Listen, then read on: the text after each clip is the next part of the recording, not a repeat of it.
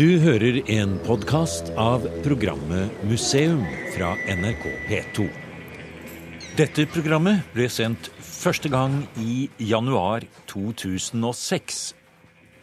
Ja, nå skal vi nye 100 meter til neste middelalderbygning, men her har vi jo en faktisk som, som står over Ja. bakken.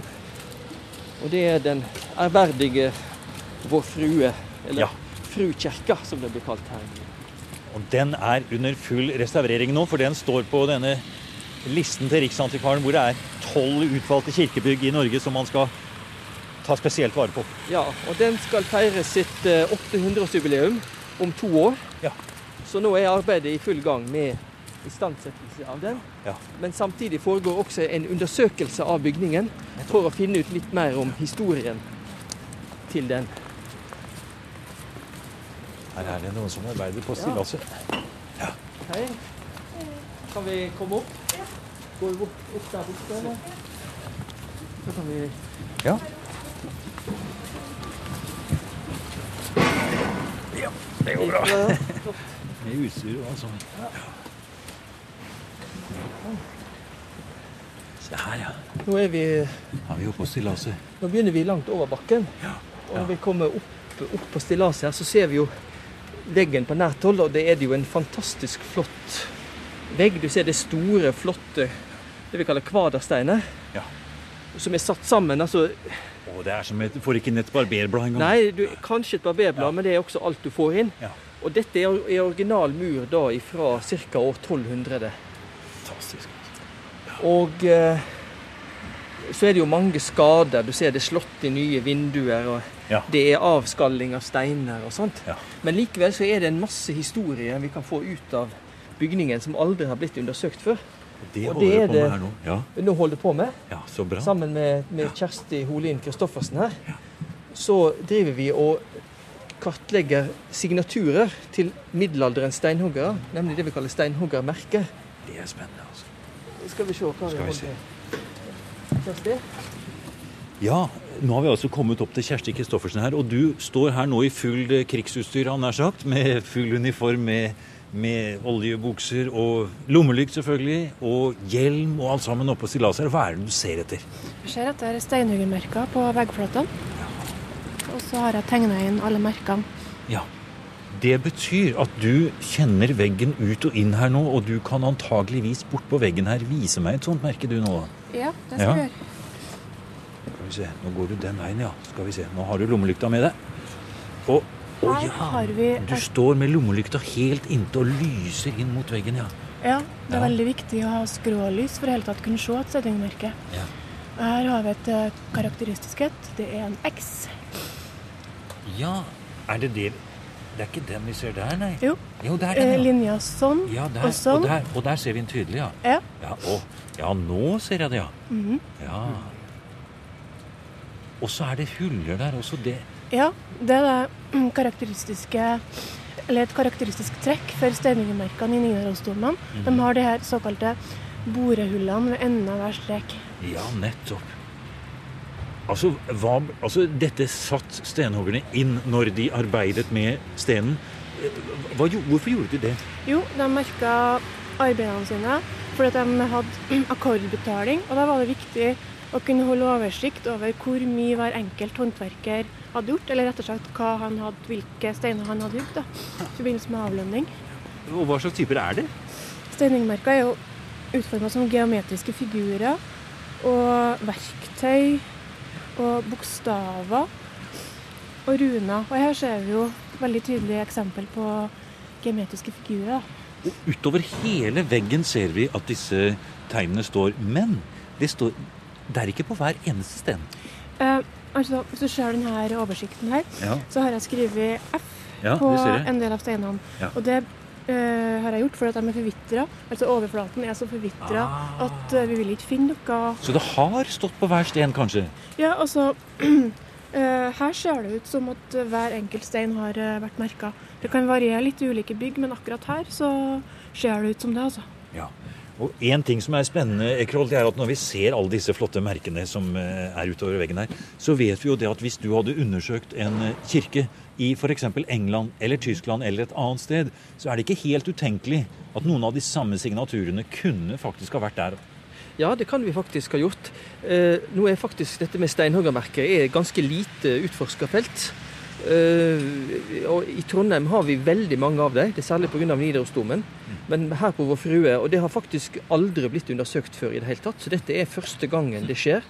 Og til nå er det vel funnet ca. 220 av, eh, forskjellige eller merker, fordelt på en 10-12 ulike håndverkere. Så vi har vel kanskje det byggelaget ja. som har jobba her. Ja. Selv om en del eh, kanskje er, er borte. For når du ser her på denne veggen, så ser vi at noen altså stener som står helt inntil hverandre, kan godt være forskjellige merker på. Ja, og det er, dette er steiner som er hogd ferdig på bakken. Mm. Eh, de har hatt eh, mål. Byggmesteren har passa på. De skal ha en stein som er så stor og så stor, og så ved siden av skal det komme en som er så stor. Mm. Men hvis du ser på veggen, så ser du det er jo veldig sånn sammenhengende ja, ja. Eh, fuger da, mellom ja. de forskjellige skift. Ja, det er det. Ja. Så en del av merka kjenner vi jo fra Nidarosdomen. Eh, men en del av merkene er nye. og Det er det som er interessant. At man tydeligvis har to forskjellige håndverkerlag. For det du kan lese ut av dette, det er at de som holdt til og arbeidet i Nidarosdomen, det er ikke nødvendigvis de samme som vi ser her? Nei, det ser sånn ut. At det er enkelte en av kanskje, kanskje de har fått med en erfaren fra domkirkebygget-hytta. Men så har de fått inn noe nye her, kan det virke som. Men, men dette er jo eh, nå midt under eh, innsamlingsarbeidet, så dette skal jo nå analyseres etterpå. Det er et ganske spennende arbeid dere gjør her nå, at dere finner frem til ting som har stått her i Trondheim i 800 år, men som egentlig man ikke har lagt merke til eller brydd seg om. Ja, det er jo fantastisk at man altså midt i Norges tredje største by, så har man altså et, et eh, til nå ubrukt middelaldersk kildemateriale som ingen har brydd seg om. Nå tror jeg vi skal ja. Gå andre veien. Andre veien, ja. ja. Dette har ikke vært et uvanlig syn i, i Trondheim, med kirke med stillas rundt og under ut bygging eller osv. Så sånn har det vært i mange hundre år. Det har det. Det er vel, det er vel at det er stålstillaser som er forskjellen i så fall. Ja. Men vi har jo rester av stillaser fra middelalderen ja, uh, på Vår Frue. Her kommer vi inn, ja. Den store tårnhallen. Velsignet skal du være i din inngang, og velsignet skal du være i din utgang. Femte Mosebok flott bygg her. Så dette er jo, dette er jo byens kirke. Ja. Og eh, sammen med Nidarosdomen så var det jo det eneste kirken i Trondheim gjennom 1700- og 1800-tallet. Men eh, så skjedde jo det at eh, mens Nidarosdomen ble da restaurert som en nasjonalhelligdom og ble veldig endra, så fikk Vår Frue ligge liksom litt som en attegløyme. Og her har det skjedd på godt og vondt ganske lite de siste 150 år. Og derfor... Det skal vi kanskje være glad for, fordi at Nidarosdomen i dag det er jo ikke så mye en middelalderkirke, det er jo like mye en 1900-tallskirke. Ja, den er veldig restaurert, og det som særlig skjedde, var jo at man kasta ut alt som stamma fra 16-, 17- og tidlig 1800-tall. Mens her i Vår Frue har man delvis tatt vare på det, og delvis har man tatt imot det som ble kasta ut fra Nidarosdomen. Ser du f.eks. de to fine ja. statuene som står her oppe. Det er to eh, barmfagre damer, ja. men det er altså to dyder. Den vi ser på, det er da caritas, eller altså kjærlighet. Morskjærlighet. Og de sto da og flankerte et, eh, et gravkammer i, i domkirka inntil det ble kasta ut. Men her i Vår Frue så har de funnet en, eh, en god heim. da. Så Vår Frue inneholder mange mange ting som i dag er borte i Nidarosdomen. Og en av tingene er dette med historien om begravelser. Og det skal vi gå inn og kikke nærmere på.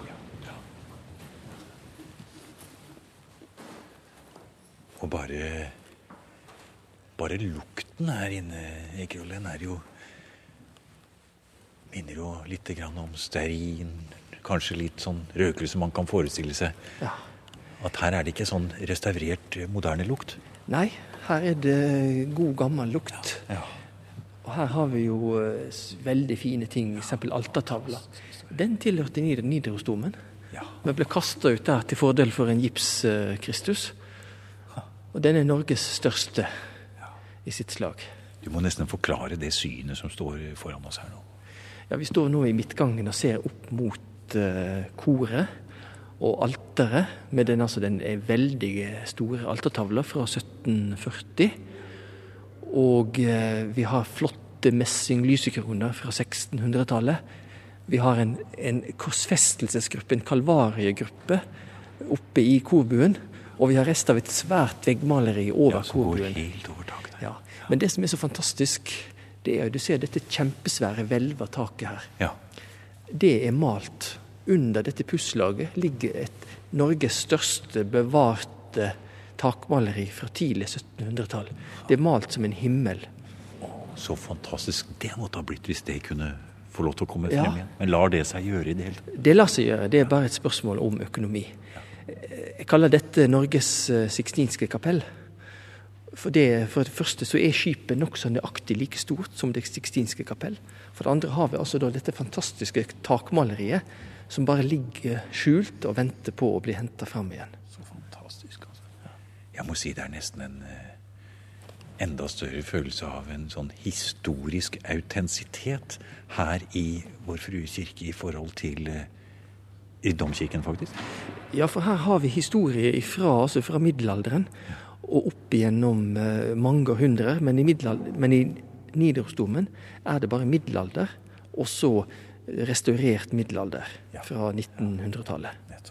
Og det er eh, skygger, det er eh, Man ser på pussen på veggene også at det er ikke helt nytt allting. Og, man får en følelse av at det er et gudshus da som er i bruk, og det er en kontinuerlig bruk tilbake til, eh, til tidlig på 1100-tallet, kanskje. Ja, her har det vært kontinuerlig bruk. Og dette er jo blitt en veldig levende bygning. Nå er den ikke lenger fra nyttår, så er den faktisk etter 800 år så er den ikke lenger menighetskirke.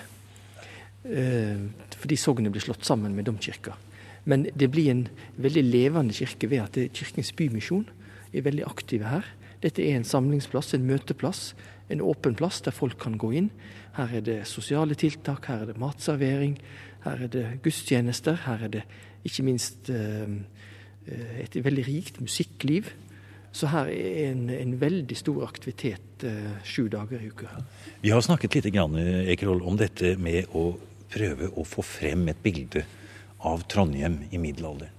Eh, hvordan den byen kunne arte seg med sine mange kirker, sine mange små, lave hus, eh, stor aktivitet, stadig bygging, endring osv. Og, og for å og nær sagt forske litt mer på eh, hva var tanken bak denne byanleggelsen her? Hvordan tenkte man seg at denne byen skulle være? Hvilken rolle skulle den ha? Så har du, som en del av det arbeidet, tatt en avstikker til Jerusalem. Ja, i forbindelse med dette arbeidet med eh, pilegrimsbyen Nidaros Altså, dette med pilegrimer er jo kommet veldig fram de siste 10-15 åra. Og Nidaros Trondheim var jo et, et, et pilegrimsmål. Et viktig pilegrimsmål, iallfall i nordisk sammenheng. Og eh, når man da begynner å kikke på, eh, på byen i middelalderen, så, så, så trer det faktisk fram et mønster som, som gjør at jeg har, for å sette det helt klart på spissen, sagt at Trondheim er Nordens Jerusalem. Vi har mange parallelle trekk med Jerusalem, slik som byen var på 1100-1200-tallet, da det var direkte kontakt mellom Norden og, eh, og eh, Det hellige landet. En ting er jo selve domkirka. Altså sentrum i både Trondheim og Jerusalem, i det kristne sammenheng iallfall, det er gravkirke. Eh, gravkirka i Jerusalem er jo bygd bokstavelig talt omkring Jesu grav. Og Nidarosdomen er også bygd over omkring Olavs grav. Etter tradisjonen står jo høgalteret der grava er, eller var. Og, at, eh, og helgenskrinet sto jo over alteret. Um, hvis jeg tenker litt uh, på en pilegrim som kom landeveien sørifra til Nidaros. så når du, Første gangen du, du så byen det, oppe på Byåsen, det er et navn som vi kjent som heter Fegensprekka. På gammelnorsk, altså. På moderne norsk vil vi kanskje si Gledesbakken. Men på latin blir det Mons Gaudum. Og det fins bare to plasser til som har den samme lokaliteten. Det er Roma, og det er Jerusalem. Eh, hvis man da eh, gikk da litt videre, eh, oppe på Byåsen, altså hovedveien, så kom du til da For slutten av 1100-tallet kom du til Sverresborg, altså kong Sverres festningsanlegg på en klippe, og veien gikk jo rett under der. Vi vet hva Sverre kalte sin borg. Ikke Sverresborg, men han kalte den Sion. Og Sion, det er Kong Sverre var jo prestelærd, så han, han kunne sin bibel. Og Sion, det var opprinnelig så var det kong Davids borg i Jerusalem. Men uh, i middelalderen ble også Sion ofte tatt som et navn på Jerusalem i seg sjøl. Men jeg tror det er særlig dette med, med, aspektet med kong David vi skal tenke på. For kong Sverre så, så seg jo som en, en mann som kjempa mot uh, urett og tyranner. Iallfall var det slik han framstilte seg sjøl. Men hvis vi følger pilegrimen vår eh, da ut på Steinberget, som da så virkelig byen, så vil han se at Trondheim var omgitt av et festningsverk. Ikke et festningsverk med, med voller og forskansninger, men et, et eh, skal vi si, en, en, en, en, bønnering. For mot nord lå det et kloster, Munkholmen. Mot øst lå et kloster, Bakke. Mot sør lå det et kloster, Elgeseter. Og mot vest, der lå et hospital med, med kirke. Altså, Trondheim var omgitt i alle fire himmelretninger av et åndelig vern av folk som da levde, av, levde for å, å, be om Guds vern. Altså Byen trengte sånn sett ikke festningsverk, for den var omgitt av en åndelig eh, skanse. Og dette er jo ikke tilfeldige bygninger som har kommet opp på måfå. Det er der du mener at det er faktisk tenkt sånn? Ja, og det igjen der eh, er jo og kanskje mange andre også mener at vi, vi, vi på en måte undervurderer mennesker i middelalderen sin evne til å tenke. Vi, eh, vi, tror at ting skjedde fordi det skjedde, men ikke at det faktisk lå ganske bevisst tenking bak uh, mange ting som skjedde. Og, og, og, jeg tror nok at det, nettopp den plasseringa av disse geistlige institusjonene følger en slags, et slags åndelig kart over, eh, over, byen. Og det gjelder kanskje også en del av disse kirkene i byen. Men dette, dette, er gjort veldig lite på, dette kan vi lite om. Men det er mulig at når vi vet jo at man brukte jo byen aktivt i forhold til prosesjoner. Olavsdagen ba man olavskrinet i prosesjon. Vi vet at uh, påskedagen, gikk, nei, palmesøndag, gikk man hit til Vår Frue f.eks. og tilbake igjen. Kanskje fins det et slags, et slags liturgisk kart over Trondheim som vi kanskje kan klare å nøste opp litt av.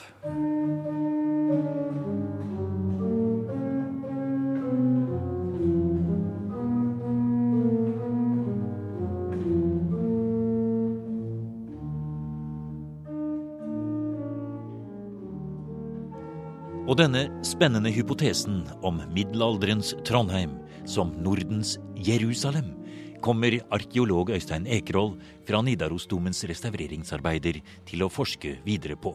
Blant annet vil han vise hvordan utformingen av oktogonen kan være en direkte inspirasjon fra Kristi gravkirke i Jerusalem.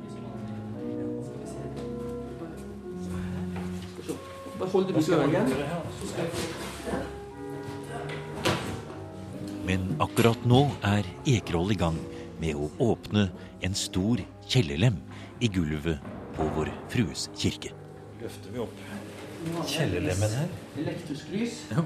Det er en uh, smal og bratt trapp, men går vi forsiktig, så går det som regel bra.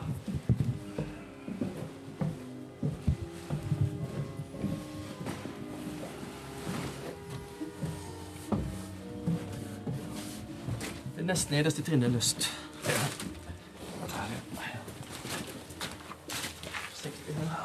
vi nede under hvelvingene under Vår Frues kirke. Se her, ja. Ja, nå er vi nede i det jeg gjerne liker å tenke på som uh, Trondheims katakomber. For eh, under Vår Frue ligger det altså et nettverk av sånne murte hvelvrom. Mange er bevart, enkelte er ødelagt. Andre er faktisk utilgjengelige. Det er gjenmurt, har vært det i lang tid. Vi aner ikke hva som befinner seg der. Den, bak den veggen der der skal være en dør som er gjenmurt. Og bak den har vi et gammelt kart som viser at der ligger en stor gravkjeller. Men den er helt utilgjengelig, så vi får bare håpe vi finner inngangen en dag. Disse her er jo da bygd på 1600- og 1700-tallet av Trondheims velhavende familier. Særlig handelsborgerskapet. Som da eh, gjerne vil bli begravd eh, etter, på samme måte som kongelige og adelige. Altså ikke at det blir gravd ned i jord, men at det, kistene ble satt inn i et rom under gulvet. Og, eh, og her ble det da satt inn det må også må være hundrevis av begravelser. Til dette ble forbudt ved lov i 1805. Det var delvis et hygienisk spørsmål, og delvis bygningsmessig, fordi denne skikken var blitt så omgripende at det mange store kirker var i ferd med å nesten rase sammen. man gravde ut fundamentene, ja. ja. Og her ser vi videre innover i Trondheims katakomber her som ja. vi går nå, så ser vi at her ligger det også en stor stabel med, ja. med kister. Hvis vi stopper her et øyeblikk ja. Nå står vi, Hvis du ser opp nå, er det ingen hvelving. Der ser du faktisk rett opp i taket. Opp i taket nå står vi, Det vi står i, er en heisesjakt. Under midtgangen der var det svære luker i gulvet. Og så man åpne, og så kan man senke kistene ned. Og herifra går det da så ganger. Der, den veien, den veien, den veien. Der man da kunne bære kistene inn til de forskjellige familiegravkammer. Her står vi blant en mengde trekister. Noen av dem er veldig små, barnekister. Noen er veldig store. Ja, ja det, er, det er trekister alt sammen. Ja. Men, men, her ser vi noen nokså svake rester av den prakt som omga begravelse. Du ser sånn som disse her. De er jo enorme. Men det er fordi det er to kister. Den ene inn i den andre. For det som skjedde, var at det, du ser disse kistene, det er jo mm. altså De har flotte metallhanker. De, har, de er svungne. De er kledd med, enten med skinn eller med tekstil. Sånt, det var ikke noe du fikk tak i på, på, kort tid. Så det som skjedde, var at da en person døde, så ble det lagd en enkel kiste, slik som den vi ser her. Som sto inni? En enkel, glatt uh, kiste. Og der ble da den døde lagt, og også da på en, en, et underlag av det, kan, det kunne være urter, det kan være tøy, det kan være papir. Og så ble det satt i bestilling en sånn ytre praktkiste. Og når den var ferdig, det måtte ta månedsvis med arbeid, så ble da den første kista satt inn i denne praktkista. Derfor de er så store her. Når man ser, eh, Det er jo fantastiske arbeidet. og ser på disse metallarbeider. Her har vi et hjørne, en engel med roser. Og ser vi på baksida, så ser du spor av at det har faktisk vært forgylt. Ja. Alle disse var forgylt. Og dette dette, dette, dette er gullsmedarbeid. Gullsmedene i, i, de gamle byene de levde ikke av å lage sølvskjær, men det de hadde som hovednæring, det var faktisk å lage kistebeslag. Ja. Og dette, dette, er førsteklasses håndverk, men det ligger jo bare her i kasser med sånne ting. Her har vi Uh, nesten alle kistene er jo i dag dessverre anonyme, fordi uh, disse navneplatene er blitt tatt vekk. Eller så er de laga av jern, jernblikk, som sånn var rusta, som du ser her på denne barnekista. Men dette er en som der vi kan ta av lokket. Og så ser du inni Og her ser vi et stort et lerret, et laken, som er brukt til å dekke den avdøde. Dette er jo en barnekiste. Det er et forholdsvis ny, nyfødt barn, iallfall knapt ett år. Og så trekker det tilbake. Så ser vi det mumifiserte liket av dette barnet, som ligger da på en seng av oppklipt papir i dette tilfellet, med silkesløyfer. Og det har vært en kjole da som er da ødelagt, eller gått bort. Hva tror vi om uh, dateringen? Her er jo bare kisteformer, men dette er andre halvdel av 1700-tallet. Det såkalte rokokkokiste, som kom på moten ca. 1750-60. Og så er det, må det være før 1805, når dette Der ble ser vi dette lille barnet ser på oss her nå. Ligger det som i mumieform, ja. ja. Og, og, sånn er det nok med de fleste her, at de ligger mumifisert. Enkelte lurer på om de er balsamert, mm. men det, det, det, er det ingen grunn til å tro. De er rett og slett um, tørka ut, for det er jo veldig kaldt her nede. Mm.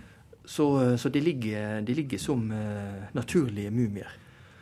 Det er jo et veldig spennende materiale historisk sett når det gjelder både både fysiske ting og, og tekstilmessig, og, mm. og, ikke minst begravelsesskikker, så er jo dette et veldig interessant mm. materiale ja, som man kan eh, ja, Nå legger du likkledet tilbake igjen over et 250 gammelt, ja. uttørket lik her. Ja. Der legger du det på igjen. Ja. ja, det er et fantastisk materiale som dere har her. Og, og det at det ligger her som det ligger, det er jo også på en måte viktig, fordi at det fører jo tankene hen til den opprinnelige bruken av eh, hele kirkerommet. Ja. Så, dette, så dette, nå, dette, blir nå den endelige plassen for disse ja. kistene som er bevart her. Denne kjelleren skal nå for all framtid være reservert for disse, disse kistene. Det blir, vil bli satt i en dør her. Og, at tilgangen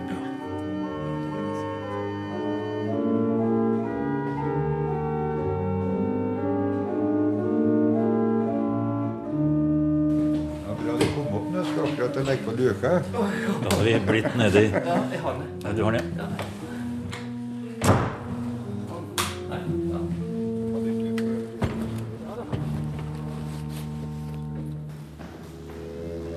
Du har nå hørt en podkast av programmet Museum fra NRK P2. Og send gjerne en e-post til museum.krøllalfa.nrk.no. nrk.no.